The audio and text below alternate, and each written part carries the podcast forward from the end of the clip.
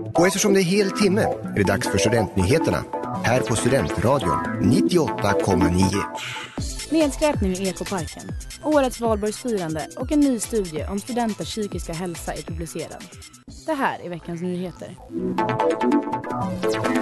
Under söndagsmorgonen den 1 maj gick det inte att se mycket gräs i Ekonomikumparken efter årets valborgsfirande. Parken var istället täckt av ölburkar, fimpar, filtar och sopor. Uppemot 400 ungdomar från 26 lokala idrottsföreningar var dock på plats tidigt under morgonen för att städa i ordning i parken. Och vid lunchtid var parken så gott som återställd. Detta genom ett samarbete med organisationen Städa Sverige för att både ge ungdomarna möjlighet att tjäna pengar till deras föreningar men även för att utbilda dem om miljö och nedskräpning. Målet är att de ungdomar som nu städar själva inte ska skräpa ner, berättade Sofia Hellström, projektledare på Uppsala kommun. Årets valborgsfirande, det första på tre år, lockade mängder av folk till Uppsala.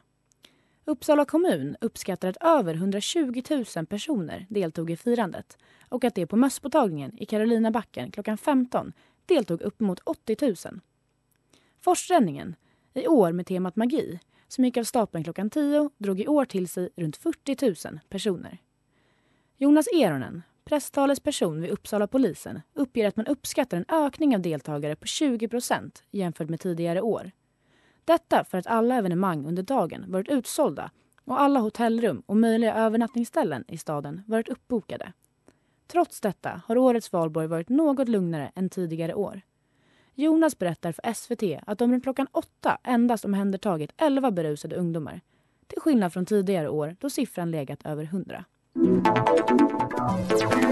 En studie gällande unga studenters psykiska hälsa under covid-19-pandemin har publicerats i tidskriften European Journal of Public Health. Uppsala-forskaren Mia Brask har tillsammans med andra internationella forskare undersökt över 78 000 studenters mående världen över.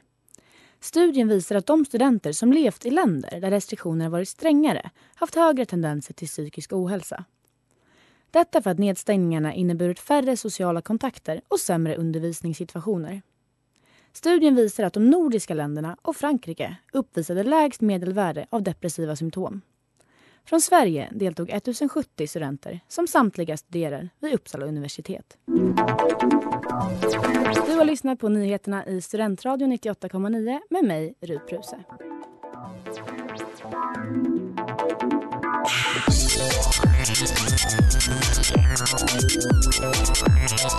Peace.